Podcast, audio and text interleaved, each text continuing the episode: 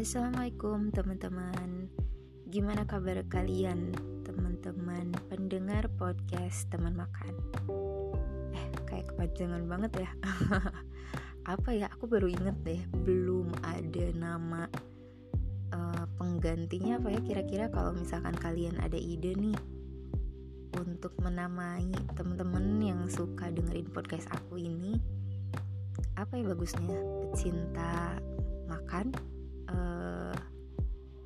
gampang kenyang atau apa ya kalian boleh nanti komen atau kasih tahu aku ya kalau punya ide-ide untuk nama temen-temen nih yang suka dengerin atau yang baru join untuk dengerin podcast aku oke okay? oh iya gimana kabar kalian di awal bulan Juli ini masih dengan pandemi ya di tanggal 3 Juli sampai 20 Juli ini kita uh, ada program PPKM ya? Uh, ya semacam PSBB lah ya. Uh, apa namanya? Kita tetap stay at home uh, dan semakin perketat uh, protokol kesehatannya juga gitu ya. Karena uh, sekarang tuh makin banyak peningkatan ya orang-orang yang sakit uh, yang terpapar covid juga gitu dan aku juga di sini pengen cerita nih sama kalian. Uh, jadi sebulan kemarin aku sempet menghilang. Itu kerasanya ansos banget pokoknya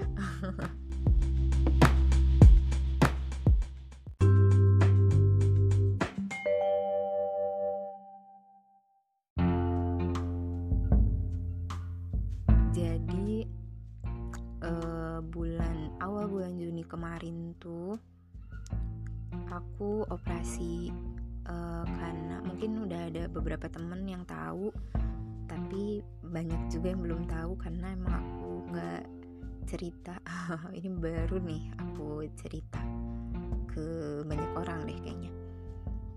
Uh, jadi aku operasi karena ada tumor di badan aku nih. Tapi alhamdulillah ini bukan tumor ganas eh, nggak uh, nggak uh, ada mengarah ke kanker ini masuknya tumor jinak tapi tetap aja mengganggu sih gitu buat aku. Jadi aku memutuskan untuk operasi dan itu prosesnya tuh cepet banget. Jadi uh, beberapa waktu sebelumnya aku keep ini sendiri uh, dengan tumor ini aku nggak tahu ya ini termasuk tumor atau bukan yang pasti aku ngerasa ada yang aneh nih gitu. Uh, setelah sadar tapi aku keep itu selama lumayan tuh ya beberapa waktu tuh berbulan-bulan. Aku keep sendiri nggak cerita ke siapa pun. Tapi ternyata sulit ya uh, menyimpan sesuatu uh, dan menyimpan sendiri gitu. Jadi kerasa banget nih butuh orang eh butuh curhat lah intinya. Butuh banget tuh kalau kita punya masalah atau kita punya sesuatu yang ini jadi unek-unek dalam diri emang ternyata nggak sehat banget kalau itu disimpan sendiri.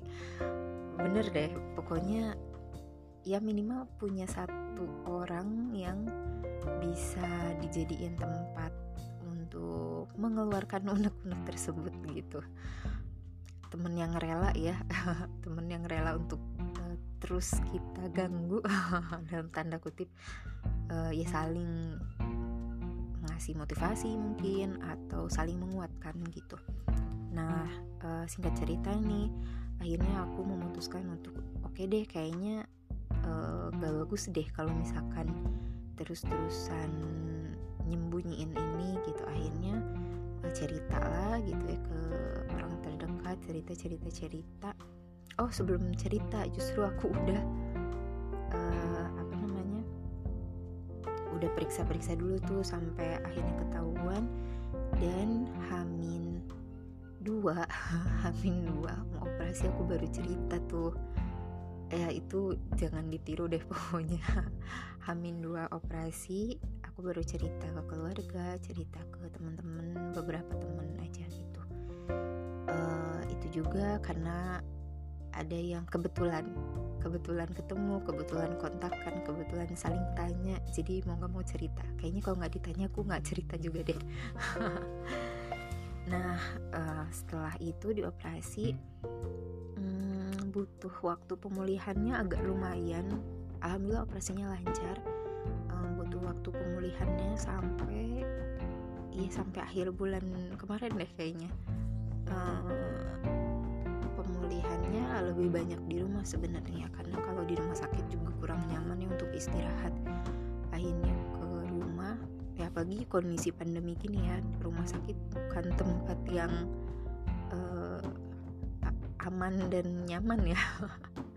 Karena ya banyak uh, suasananya dan segala macam lah yang buat gak enak gitu untuk istirahat. Akhirnya ya lebih banyak di rumah. Kemarin sebulan tuh jadinya kayak ansos banget. Uh, sosmed pun Instagram pun kayaknya kapan aku terakhir buat story ya. Kalau postingan juga feeds tuh udah agak lama sampai aku kaget. Oh ternyata sekarang ada fitur baru ya reels di Instagram. Saking kudetnya selama sebulan kemarin. Uh, termasuk di sosmed yang lainnya juga. Dan uh, pengen apa ya ini sih sebenarnya mudah-mudahan aku cerita gini supaya jadi pelajarannya bukan cuma buat aku pribadi. Jadi tumor ini tuh uh, kalau apa ya kalau disebut faktor mungkin faktor utamanya itu dari hormon uh, faktor hormon ya apalagi cewek nih. Kalau setiap bulan kita menstruasi itu kan hormon kita pasti tidak stabil ya. Emosi pun suka tidak stabil tuh biasanya. Nah jadi uh, faktor hormon itu termasuk faktor yang uh, utama juga. Karena hmm, kalau cewek itu kan banyak ya cowok juga sama ya banyak yang harus dijaga gitu uh, untuk kesehatan diri. Tapi menurut aku cewek tuh lebih harus aware lagi ternyata dan aku bukan sebelumnya belum se-aware itu gitu. Jadi uh, ketika kemarin dapat uh, eh, hal semacam ini akhirnya baru tertampar lah bolak-balik gitu ya. Sampai aku nge oh iya ternyata penting banget jaga kesehatan penting banget. Walaupun udah ngerasa sehat fisik gitu nggak nggak sakit nggak gimana nggak ngedrop gitu ya. Tapi ternyata bukan berarti baik-baik aja si tubuh ini tuh. Karena perlu rutin cek uh, cek apa pun ya yang ada di dalam tubuh lah. Intinya pemeriksaan secara rutin itu penting. Untuk bagian-bagian tertentu yang sensitif pun itu ternyata penting banget. Setiap bulannya setiap entah itu di awal menstruasi atau di akhir menstruasi gitu ya. Ada beberapa yang perlu kita cek gitu. Karena ini pun uh, selain oh ya selain faktor hormon gitu yang memang jadi membuat inilah terjadi ada tumor ini faktor lainnya itu dari asupan. Jadi aku yakin deh kalian juga uh, ya mungkin beberapa di antara kalian ada yang seneng nongkrong ya nongkrong di kafe ya di tempat-tempat makan gitu warung kopi gitu. Apalagi makan makanan pedas berkuah wah pedas asem kayak gitu ya tom yum wah kayaknya itu udah jadi hal yang biasa ya gitu bahkan untuk sehari-hari. Nah ternyata itu harus waspada teman-teman. Kalau misalkan mau makan makanan kayak gitu kita sendiri tuh harus bisa ngatur uh, schedule-nya gitu ya. Jadi entah itu seminggu sekali mungkin atau ya seminggu berapa kali mungkin ya kalau emang fisiknya sehat gitu ya. Uh, tapi jangan sampai itu jadi konsumsi setiap hari intinya gitu. Karena ternyata ya dulu banget nih temen-temen aku yang sebelumnya ini pasti tahu banget kalau makan pedes tuh udah ah nggak kira-kira deh gitu. Aku tuh jadi ya kena juga nih efek samping dari senang makan pedes berlebihnya itu. Sampai sakit dan sampai tobat makan pedes ya di tahun lalu tobatnya tobat makan pedes gitu. Kalaupun sekarang masih uh, sesekali aku makan pedes tapi udah nggak kuat uh, pedes yang berlebih karena ya badan juga udah nggak nerima gitu udah ngasih alarm oh ini terlalu pedes nih oh ini nggak boleh nih kayak gini. Nanti emang mau kayak waktu itu lagi sakitnya gitu. Akhirnya oke okay, berhenti. Akhirnya bisa ngerem sendiri gitu. Padahal dulu bener-bener suka banget tiap hari tuh bisa makan pedes dan yang nggak nanggung-nanggung gitu kalau makan pedes ya itu kasihan lah pokoknya ke badan tuh nah sekarang uh, bukan hanya pedes ternyata tapi makan yang uh, mengandung MSG terus ya junk food ya gitu. Uh, apalagi ya gorengan gorengan yang minyaknya itu kan kita nggak tahu ya itu minyaknya bersih atau enggak kita nggak tahu kualitas minyaknya kayak gimana uh, sebisa mungkin sih kurangi yang berlemak-lemak itu gorengan-gorengan boleh tapi dikurangi aja. Jangan sampai tadi jadi konsumsi setiap hari bahkan setiap waktu dalam sehari gitu. Wah itu lumayan tuh kayak nabung bibit-bibit penyakit ternyata gitu. Dan itu yang aku lakukan. Tapi nggak setiap hari banget sih gitu. Cuma ya lumayan sering sih kalau dibilang kayak tiap ngumpul nih asik banget tuh kan. Uh, beli gorengan beli seblak apa ya kalau cewek-cewek tuh. Pokoknya makanan makanan yang nggak sehat gitu. Enak tapi nggak sehat dan eh, nggak uh, enaknya itu setelahnya. Jadi mudah-mudahan teman-teman bisa lebih aware lagi. Jangan sampai ngalamin kayak aku dulu nih gitu ya.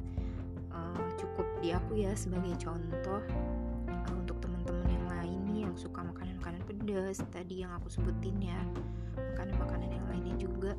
Termasuk itu ya MSG itu uh, kalau bisa dihindari. Terus uh, fakt selain faktor makanan tuh faktor asupan ya. Hmm, ada faktor lain tuh sebenarnya faktor keturunan kata dokter tuh. Faktor keturunan itu dari gen ya berarti uh, mungkin ada riwayat di orang tua gitu ya yang memang punya tumor juga itu bisa turun. Tapi kan sebenarnya itu tergantung ya uh, kalau misalkan kita lihat kasusnya secara umum gitu kalau misalkan ada orang tua punya penyakit apa itu nggak semua anaknya misal anaknya tiga atau lima gitu itu nggak semua anaknya tuh kena ke, uh, apa ya mendapatkan warisan penyakit itu tuh nggak semua biasanya kan gitu. Paling ada ya satu atau dua gitu yang ngalamin. Jadi itu kayaknya tergantung kekebalan tubuhnya juga sih gitu ya. Bisa perang melawan si penyakit itu gitu. Akhirnya ya dia terbebas lah gitu aman dari uh, penyakit yang diturunkan itu gitu. Terus faktor lainnya apa ya hmm, mungkin untuk menjaga kesehatan di luar tubuh juga itu penting ya. Uh, entah itu dari pakaian atau misalkan uh, hal lainnya ya dari olahraga ya olahraga juga. Aku termasuk yang udah jarang banget olahraga jadi ia ngerasa uh, mewajarkan ketika aku uh, sakit gitu. Karena ya aku juga belum menjaga dengan sebaik itu ternyata untuk tubuh aku sendiri nih. Nah akhirnya gitu deh jadinya mengalami uh, sakit kemarin itu. Oh tapi uh, sebelumnya gini ada uh, tumor itu uh, ada yang sakit kerasanya ada yang enggak. Nah aku tuh termasuk yang enggak. Jadi guys kalian perlu waspada perlu cek-cek deh pokoknya nih khusus untuk yang cewek-cewek ya.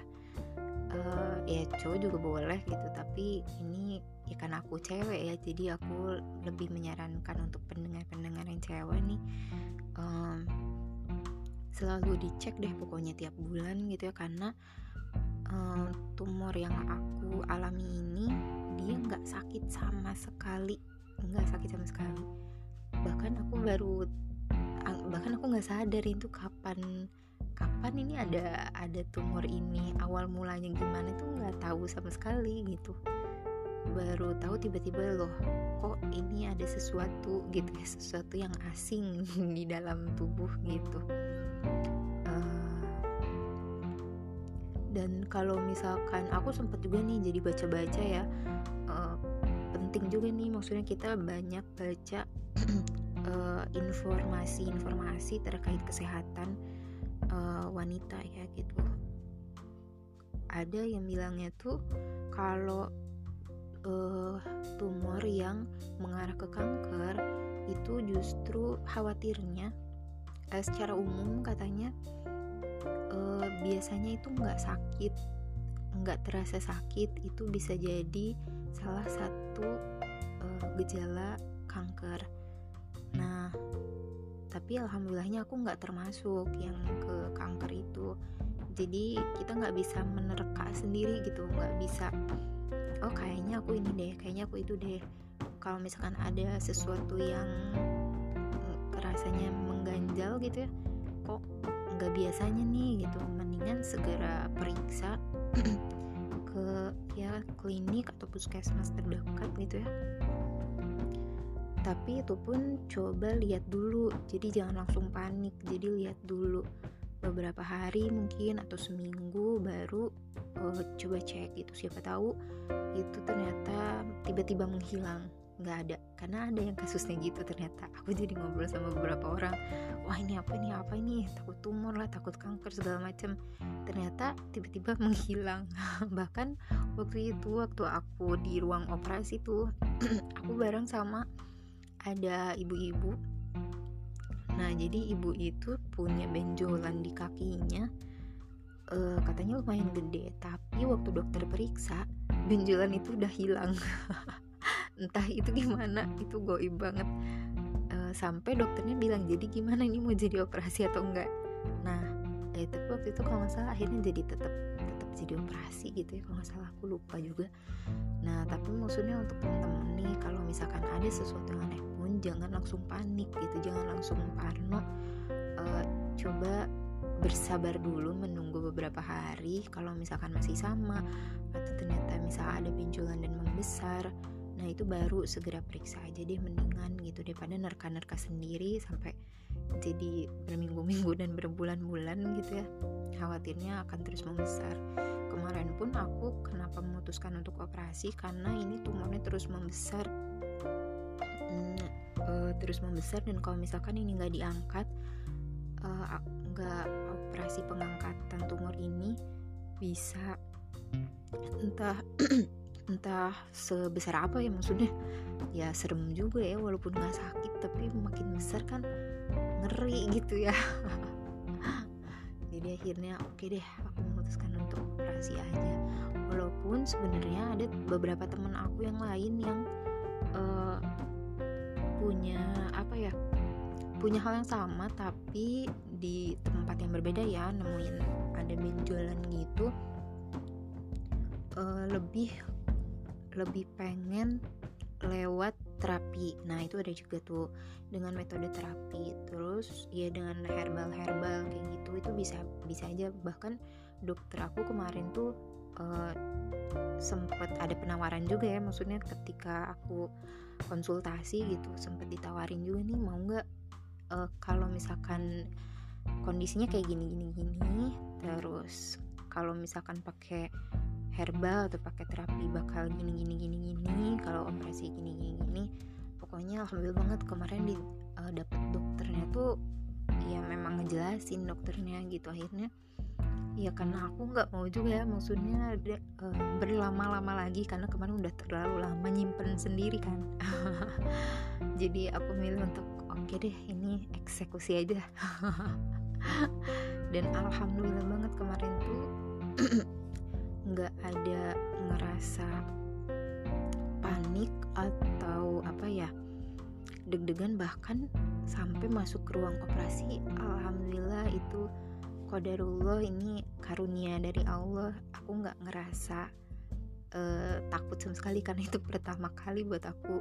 Kemarin tuh pertama kali dirawat di rumah sakit pertama kali uh, operasi juga pertama kali dipasang infus-infus dan segala macamnya gitu. Wah itu benar-benar pemeriksaan kemarin pun cek darah dan segala macam itu semuanya perdana buat aku kemarin tuh. Dan uh, ya jangan sampai kalian mengalami juga ya gitu. Pokoknya kalian harus jaga kesehatan semoga kalian sehat terus. Uh, apalagi kondisi lagi pandemi gini dan kita juga mau nggak mau stay at home dulu ya. Kecuali yang memang uh, masih kerja di luar gitu ya langsung ke tempat kerjanya. Uh, protokol kesehatannya jangan lupa juga gitu ya walaupun kita ngerasa aman-aman aja nih karena badan kita fit gitu ya. Nah tapi kita nggak tahu ya virus bakteri kuman apa pun itu gitu yang menyebar di udara yang nempel di barang-barang kita nggak tahu karena nggak kelihatan sama mata kita langsung kan gitu. Jadi selalu waspada dan uh, jaga kesehatan diri jaga kesehatan lingkungan gitu. Jangan sampai uh, kita nggak kenapa-napa tapi kita bawa virus dan ini uh, kita bawa pulang dan ketika di rumah pun ini tersebar ke orang-orang terdekat kita yang imunnya lebih sedang turun mungkin atau memang imunnya nggak lebih uh, tinggi daripada kita gitu. Bisa jadi mereka yang terserang gitu kan. Ya mudah-mudahan enggak gitu ya. Itu aja sih aku pengen cerita gitu ke kalian. Uh, mudah-mudahan bisa jadi pelajaran gitu. Dan untuk cewek-cewek bisa lebih aware lagi uh, untuk menjaga tadi ya menjaga uh, apa namanya uh, organ eh, alat-alat reproduksi juga gitu ya. Dan kalau misalkan kalian ada yang haidnya atau menstruasinya itu uh, nggak wajar maksudnya nggak wajar tuh misal ada yang sebulan full bahkan ada uh, ada yang berbulan-bulan ada yang berapa bulan sekali baru haid gitu ya uh, itu juga perlu konsultasi sih. Menurut aku perlu periksa deh kayaknya ke dokter. Periksa tuh dulu aku mikirnya periksa itu akan langsung difonis ah diagnosa kamu sakit bla bla bla bla kamu mengalami ini ini ini. Ternyata tidak teman-teman. Jadi selama ini aku parno datang ke dokter datang ke rumah sakit. Bahkan ya teman-teman aku nih teman-teman deket aku udah tahu banget gitu aku susah banget untuk disuruh ke dokter kalau sakit. Lebih uh, lebih suka untuk diem aja deh di rumah gitu ya atau misalkan bahkan waktu itu di kosan temen. Kayaknya daripada ke dokter deh udah deh aku obatin sendiri aja karena parno gitu. Takut tiba-tiba ketahuan ada sakit apa sakit apa. Kalau ringan sih nggak masalah ya uh, sakit yang ringan yang kerasanya tapi kalau misalkan udah kayak gini-gini nih agak parno sebenarnya. Nah tapi karena kejadian kemarin aku justru lebih uh, bukan jadi lebih parno tapi justru lebih aware aja gitu ngerasanya. Karena oh iya kalau misalkan ada apa-apa justru jangan nunggu kelamaan karena justru makin lama makin lama uh, bisa semakin berkembang dalam tubuh kita nih kalau ada satu penyakit gitu kan. Dan walaupun kita nggak ngeh iya aku sama sekali nggak ngeh ini ternyata ada tumor gitu. Jadi teman-teman kalau misalkan yang headnya uh, kerasa sakit sakit itu sakit yang gak wajar ya sakit yang bukan cuma pegel-pegel bukan cuman ya beberapa uh, hal yang sering terjadi gitu. Tapi sampai uh, ada yang sampai muntah-muntah gitu ada yang sampai pingsan. Bahkan yang aku tahu ya pernah ada yang sampai kayak gitu. Pernah ada yang sampai pingsan sampai masuk IGD wah itu serem sih gitu. Kayaknya uh, itu memang udah harus konsultasi ke dokter tanya uh, kenapa kenapanya gitu ya baiknya gimana. Pokoknya ngomong yang banyak deh sama dokter gitu ya ngobrol ini itu supaya jelas gitu kita tahu gimana penanganannya gitu. Nggak nggak so tahu. Karena selama ini aku kayaknya so tahu gitu. Bahkan nggak mau tahu kayaknya bukan so tahu aja tapi nggak mau tahu. Gitu teman-teman. Jadi tetap jaga kesehatan ya. Semoga kalian selalu diberi kesehatan. Pokoknya sehat walafiat kalian dan keluarga kalian orang-orang terdekat kalian semoga di pandemi ini wabah yang masih uh, ada uh, bisa kita tetap bisa uh, menjaga diri kita tetap bisa menjaga pikiran kita. Kalau misalkan kebanyakan juga nih nonton berita-berita uh, korban uh, apa namanya bukan korban ya ya korban ya maksudnya para penyintas covid gitu ya atau misalkan ya mendapatkan ujian sakit gitu ya jangan sampai ketika kita banyak lihat berita justru kita malah jadi drop kita malah jadi parno banget gitu ya. E, karena beda ya parno sama waspada e, menjaga itu menurut aku beda sih gitu. Kalau parno tuh lebih ke panik ya jadinya e, panik terus apa ya kalau Parno tuh jadinya ya akan menambah beban pikiran aja gitu kayaknya. Jadi tetap positif thinking juga gitu karena uh, siapa pun yang terkena siapa pun yang tidak terkena itu sudah menjadi takdir ya kalau setelah terjadi mah gitu. Uh, kita nggak kalau memang kita harus kena kita nggak bisa hindar-hindar. Maksudnya bukan kita nggak bisa hindar. Kalau memang sudah terjadi kita nggak bisa menyalahkan apa pun. Uh, kita cuma bisa evaluasi kita cuma bisa berikhtiar supaya segera sehat lagi gitu ya. Dan berdoa uh, dan menerima kalau ini adalah takdir atas diri kita. Kemarin pun aku uh, karena dari awal udah dikasih tenang. Jadi alhamdulillah banget aku bersyukur banget Allah udah kasih aku ketenangan. Jadi nggak ada pikiran sama sekali. Ngerasa sakit ngerasa hmm, nanti ini gimana nanti itu gimana panik itu tuh sama sekali nggak ada. Karena ya udah menerima gitu oh aku uh, tiba-tiba ada tumor ini nih. Kaget sih kaget gitu. Teman-teman semua keluarga yang dengar juga kaget karena apalagi lebih kaget karena aku bilang hamin dua tiba-tiba operasi ah operasi apa? Banyak banget yang kaget. Kayaknya kalau aku ngobrol langsung mereka ekspresinya lucu-lucu. Ya mohon maaf ya teman-teman yang aku bilangnya juga mendadak ke kalian tapi makasih banget doanya sampai aku pulih gitu ya pemulihannya beres alhamdulillah banget. Mudah-mudahan nggak terjadi lagi karena sempet uh, apa namanya sempet agak khawatir juga. Karena ada beberapa yang bilang kalau misalkan udah punya bibit nih si tumor ini gitu udah pernah ada tumor khawatirnya ini bisa ada kemungkinan untuk tumbuh lagi. Nauzubillah mudah-mudahan sih enggak jadi aku juga mencoba untuk mengubah pola hidup. Ada beberapa hal gitu yang jadi berubah. Ya mudah-mudahan teman-teman sih nggak ngalamin ini ya pokoknya. Oke sekian dari aku untuk episode kali ini. Ini episodenya judulin apa ya? Ini episode curhat, curhat deh. Episode curhat sama kalian. Kalau kalian ada yang mau curhat juga nih tentang pernah mengalami apa mudah-mudahan nanti bisa di share uh, ya lewat podcast aku atau misalkan ya nanti lewat Instagram kita atau lewat mana pun ya kita ngobrol mudah-mudahan bisa jadi pelajaran untuk teman-teman yang lainnya bisa jadi uh, pencegahan untuk yang lain gitu dan bisa jadi uh, apa ya namanya ya mudah-mudahan bisa jadi hikmah untuk bersama gitu aja sih. Oke okay, thank you. Sampai jumpa di episode berikutnya. Bye. Assalamualaikum